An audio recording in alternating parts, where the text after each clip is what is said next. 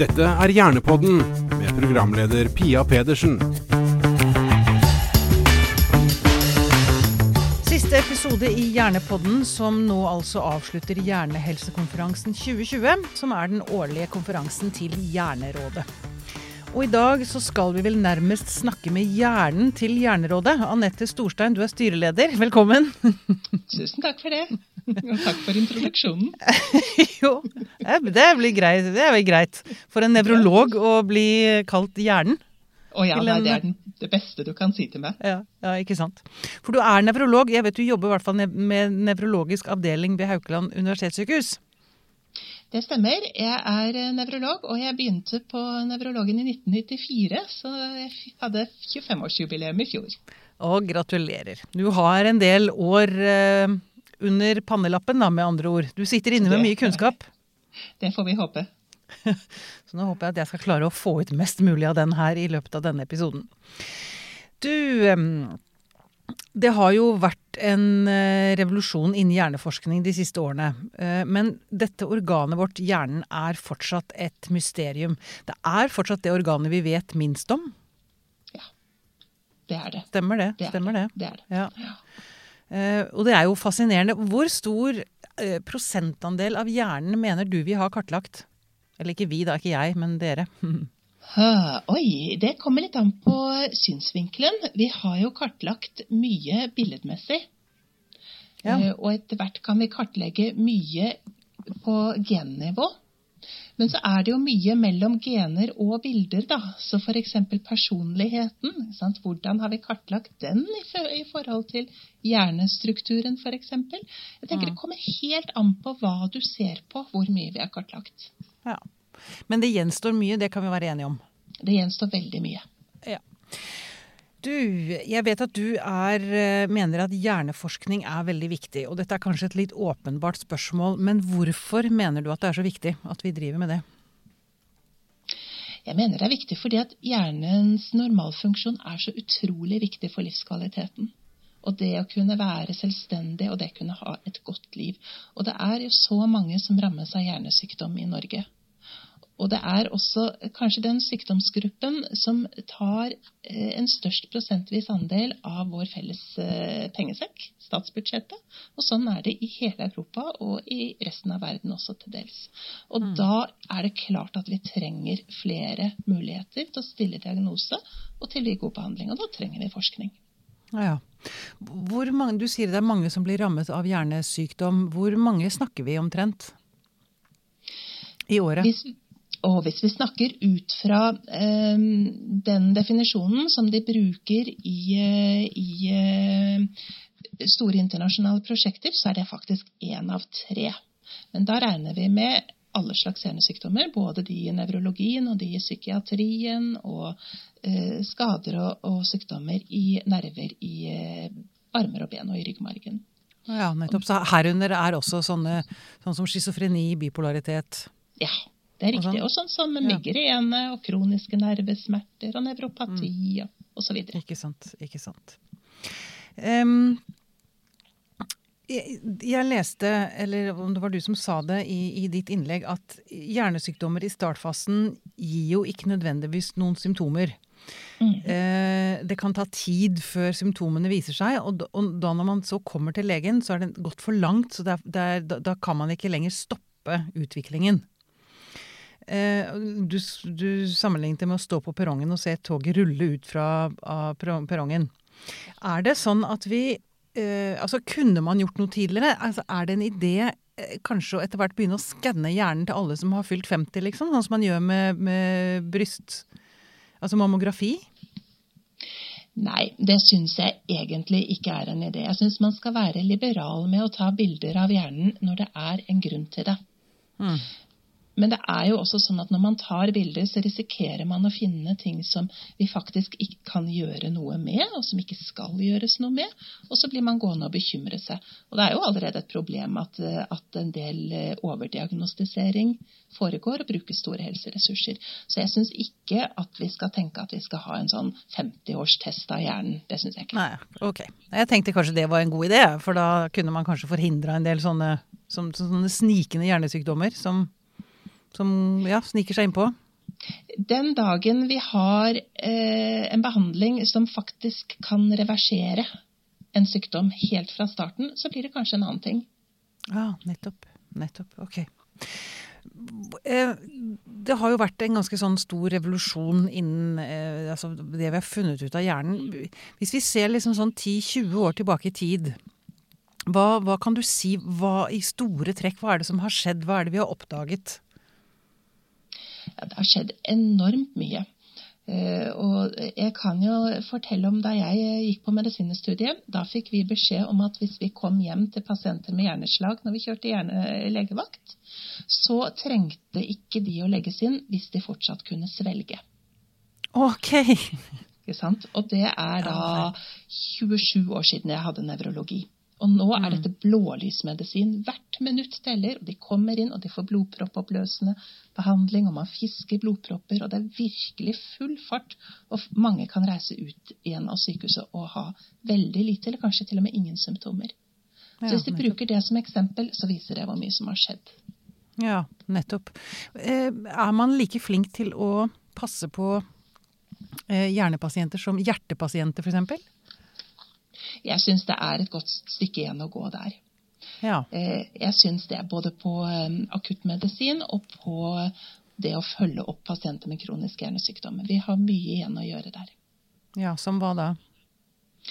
Vi kan jo ta et eksempel. Eh, jeg syns at pasienter som kommer inn med akutt eh, alvorlig hjernesykdom i sykehuset, de skal passes på akkurat som hjertesyke gjør i akuttfasen. Og da skal de ligge på en overvåkings enhet og bli fullt nøye med. Og sånn er det nok ikke alle steder nå. Nei. Man tar litt lettere på hjernen enn man tar på hjertet? Man gjør vel på en måte det, og det, det, er kanskje litt det som henger igjen, at det ikke nødvendigvis er like mye å gjøre i vårt felt. Men der henger vi etter, eh, for nå er det masse å gjøre i vårt felt ved akutt eh, hjernesykdom. Ja, ok. Du, jeg har lyst til å gå tilbake til eh, altså, utviklingen som har skjedd de siste 10-20 årene. Altså, vi kan jo nå eh, studere den levende hjernen bedre enn vi kunne. Ja. For eksempel, ikke sant? Hm? Ja. Fortell litt om det. ja. Hva, hva, gjør det oss i stand til å finne ut det, det at vi kan liksom ta bilder av hjernen som i, i, sitt naturlige habitat, for å si det sånn? Ja, Det gjør jo f.eks. at vi, vi kan planlegge behandling bedre. Jeg eh, kan nevne et konkret eksempel igjen. Eh, hvis jeg får inn en ung pasient nå med en hjernesvulst, hvor jeg lurer på om vedkommende kan opereres uten at det blir skader etterpå, så kan vi kartlegge på forhånd hvor nervebanene går i forhold til den svulsten. Så da får kirurgen et mye bedre kart å operere ut fra når de først har, eh, har eh, gått i gang med operasjonen. Og dette er nye muligheter, og det gir oss en helt annen mulighet til å kunne gi en pasient en god og trygg nevrokirurgisk behandling. Så det er et veldig godt eksempel på en ja. mulighet. Nettopp. Har du flere eksempler på Det er noe med å prøve å få et, et bilde av hva vi faktisk er i stand til i dag, da, som vi ikke var mhm. for ti år siden, f.eks. Ja. Et annet eksempel er f.eks. Eh, avansert behandling av Parkinsons sykdom. Eh, hvor det kan legges inn små elektroder dypt i eh, begge hjernehalvdeler.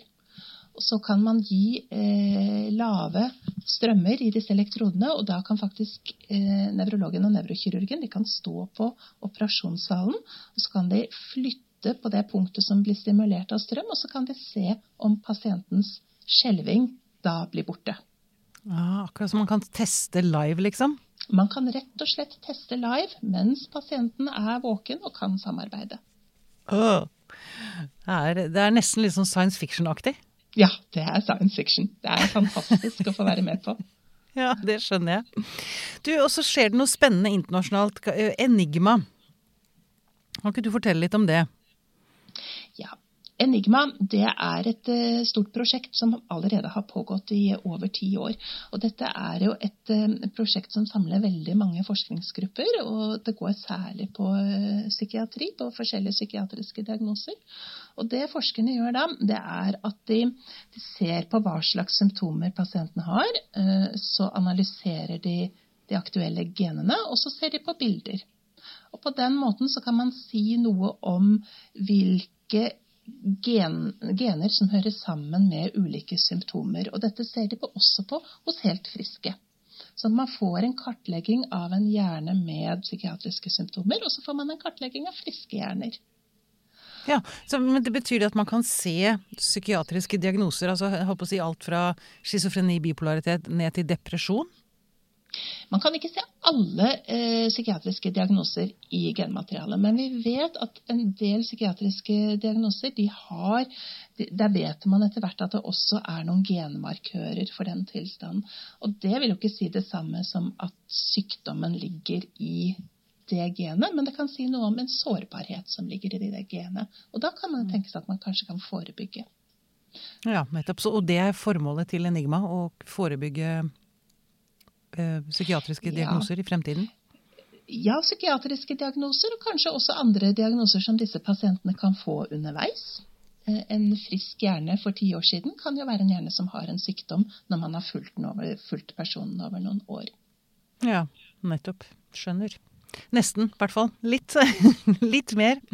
Og så har jeg um, også kommet over et annet uh, interessant uh, felt. Brain Computer Interface. Ja. det er spennende. Det er spennende greier. Det, det må du også forklare hva det er for noe.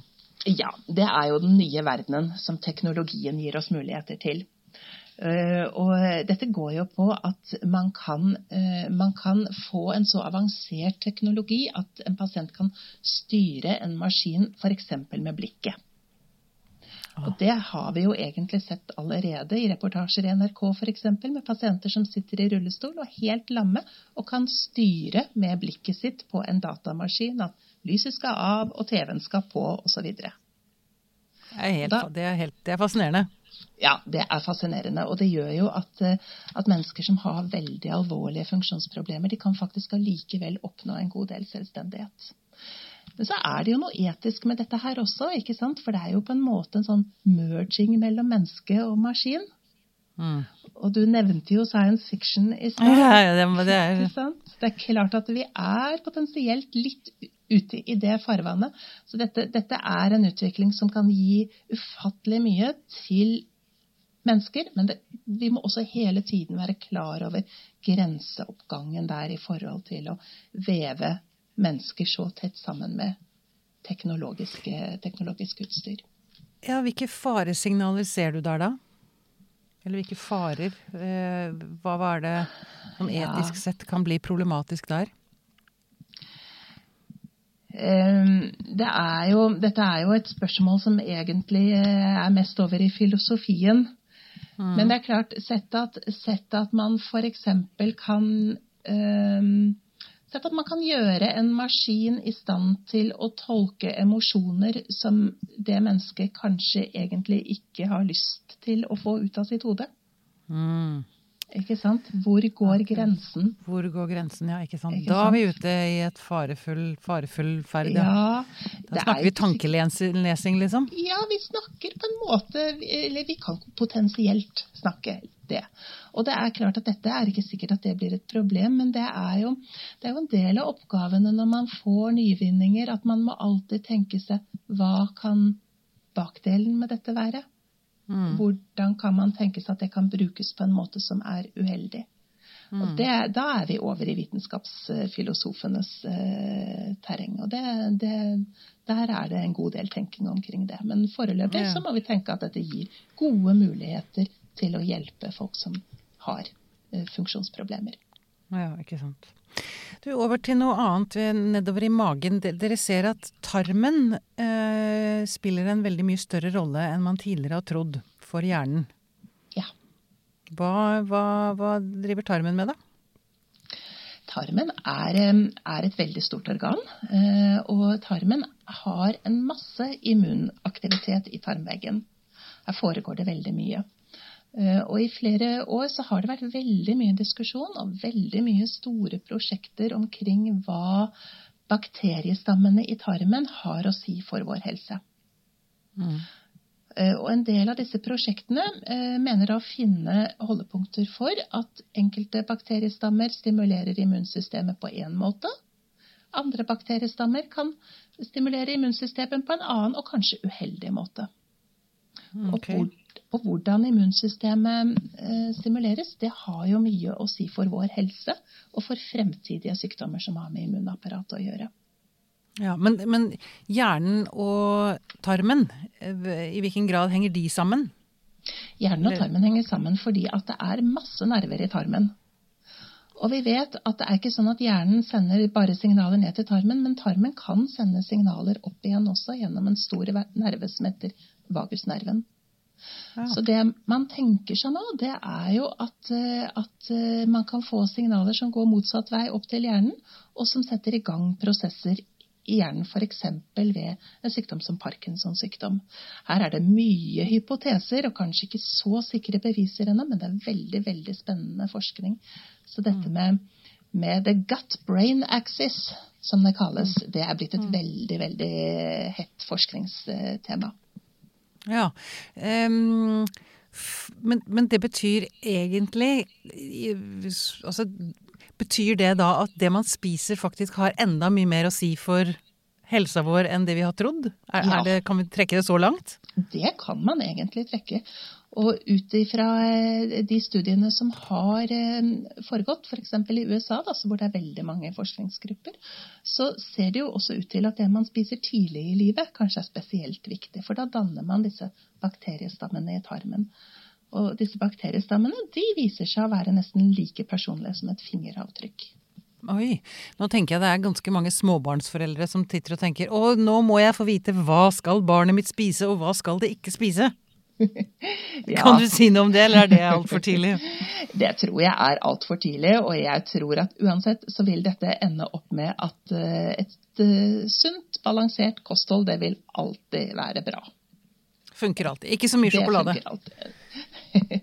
Jeg vet ikke om det hjelper å si til barna på lørdag at beklager, bakteriestammen i tarmen din har ikke godt av mer sjokolade nå. Jeg tror ikke jeg skal trekke det så langt, men dette er i hvert fall et terreng som åpnes opp, og hvor det foregår masse forskning, og hvor det er en del motstridende meninger, men antagelig ting her som vil komme, komme folk til gode på sikt. Det tror jeg. Ja, nettopp.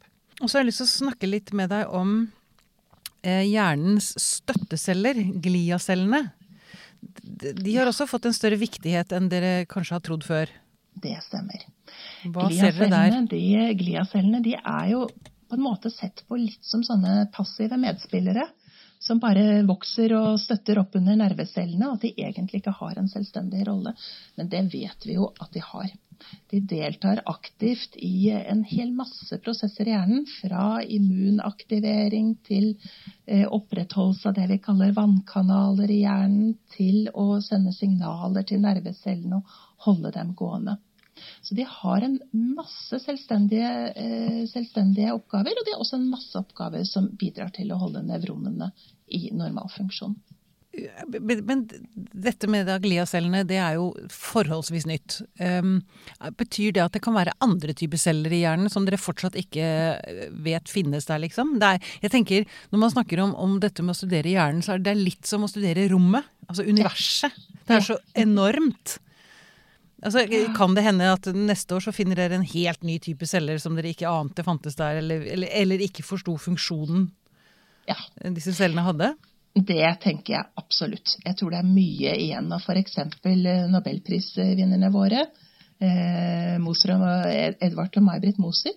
De har jo nettopp fått nobelprisen for arbeidet med å karakterisere nye cellers funksjon i eh, ja. hukommelsesdelen av hjernen. Så her er det mye spennende. igjen å oppdage. Ja, og der går vi eh, her, For dette med Alzheimer, der er det kommet nytt håp nå? Det er nye ja. muligheter der? Ja. På Alzheimer-feltet så foregår det ufattelig mye. Og det som er spennende, det er jo eh, disse dataene som begynner å komme opp med at også betennelsesaktivitet i hjernen spiller en rolle. Og da er vi litt over i det samme feltet som man er interessert i med blodkarsykdom. Det å kunne ha en god eh, livsstil og det å kunne spise riktig, det, det vet vi er gunstig for f.eks. betennelsesaktivitet i blodkarsveggene. Så kanskje kan man tenke seg at, eh, at Alzheimer kan til dels forebygges også med livsstilsendringer på et tidlig tidspunkt. Det er jo mm. sånne helt, helt nye tanker som, eh, som, er av enorm interesse forskningsmessig. Ja, det kan jeg se. Men betyr det For meg så høres det litt ut som om altså, Det er nesten som man Hvis man får Alzheimer, så har man skyld i det selv, da? Nei. Absolutt ikke. Hvis det er livsstilsendringer som liksom skal Ja, nei. nei. Absolutt ikke. Det som er veldig viktig å vite, det er at Alzheimer er en sykdom med veldig sammensatte årsaker. Ja. Ikke sant. Det er gener, det er eh, livsstil, det er utrolig mange andre miljøfaktorer. Og det vi kan gjøre noe med, det er jo type livsstilsendringer. Mens mye av mm. det andre kan vi ikke gjøre noe med. Så nei, man har ikke skyld i at man får Alzheimer. Men kanskje kan vi finne grep som kan bidra til å redusere risikoen for å få det, og det er jo en veldig god ting. Det er absolutt en veldig god ting. Du, um, Anette, hva ser du i fremtiden? Hva ser du fremover liksom, av ny forskning, nyvinninger, nye oppdagelser når det gjelder uh, hjernen, hjerneforskningen? Det er jo så veldig mange spennende felter, da. Men det er klart at dette med, med, genterapi er jo en ting som veldig mange er opptatt av, og hvor det skjer utrolig mye forskningsmessig. Og det finnes mange former for genterapi, og det vi håper på, er jo at noen av disse eh, behandlingsformene skal kunne gjøre det mulig å hjelpe flere som har sykdom som skyldes genfeil og genmutasjoner. Ja. Så det er jo ett viktig felt hvor jeg tror det kommer til å skje enormt mye fremover. Ja. Og det vil få betydning for hva slags type sykdommer? Det kan være med å få betydning for f.eks. Alzheimers sykdom. Det kan mm. være med på å få betydning for sykdommer som parkinson, ALS, eh, disse alvorlige sykdommene i nervesystemet som eh, opptrer hos barn og unge. En lang, lang rekke tilstander. Ja, nettopp. Er det andre ting du ser i fremtiden, eller som du drømmer om?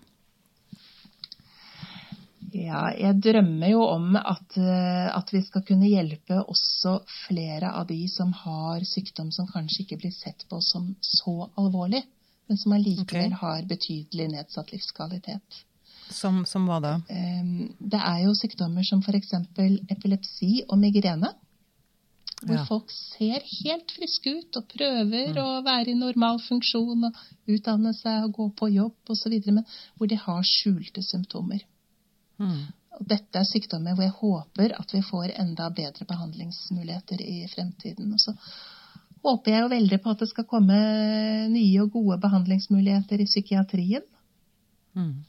Jeg håper på at vi skal kunne finne nye metoder som gjør rehabiliteringen enda bedre. Rehabilitering av hjernesykdom. Det er masse jeg håper på, og det er mye jeg tror kommer til å skje fremover. Ja, For du er håpefull? Jeg er håpefull. Jeg er mm. håpefull. Det skjer nå ting for hvert eneste år. Så jeg tror at om ti år så kommer vi til å være et annet sted for mange av disse sykdommene. Ja. Til slutt, er det noe du har lyst til å føye til som eh, du føler du ikke Eller som er viktig å få sagt, som jeg ikke har spurt deg om? Jeg har veldig lyst til å si at dette med å ta vare på hjernen sin, det er utrolig viktig. Og det kan vi jo alle gjøre, og vi kan gjøre det med veldig enkle grep. Med å spise sunn mat, med å mosjonere, med å delta aktivt i sosiale aktiviteter, med å sove godt. Det, er, det har vært veldig mye fokus på å forebygge kreft og hjerte-karsykdom. Og med rette, for det er veldig alvorlige sykdommer. Men jeg syns også at det er på tide å sette et fokus på å jobbe godt for at hjernen skal få best mulige arbeidsvilkår. Så det er et enkelt budskap til oss alle. Ja, Og det er kanskje, spørre på tampen også, da. Nå i disse nedstengningstider, da dette med den sosiale aktiviteten, det er ikke så lett. Har du noen tips man kan gjøre? Hjelper det å løse kryssord og sånn? Ja. Det hjelper det? rett og slett. Ja, det hjelper å eh, trene hjernen. Løse kryssord, lese bøker, gjøre noe nytt. Gå seg en tur et sted man ikke har eh, gått tidligere. Lære seg å mestre en ny digital plattform. Det er masse man kan gjøre, og det, det tenker jeg at det har vi kanskje litt bedre tid til å gjøre akkurat nå. Ikke sant. Um, veldig, veldig bra. Tusen takk skal du ha, Anette Storstein. Det var veldig spennende. Bare hyggelig. Veldig hyggelig å få være med.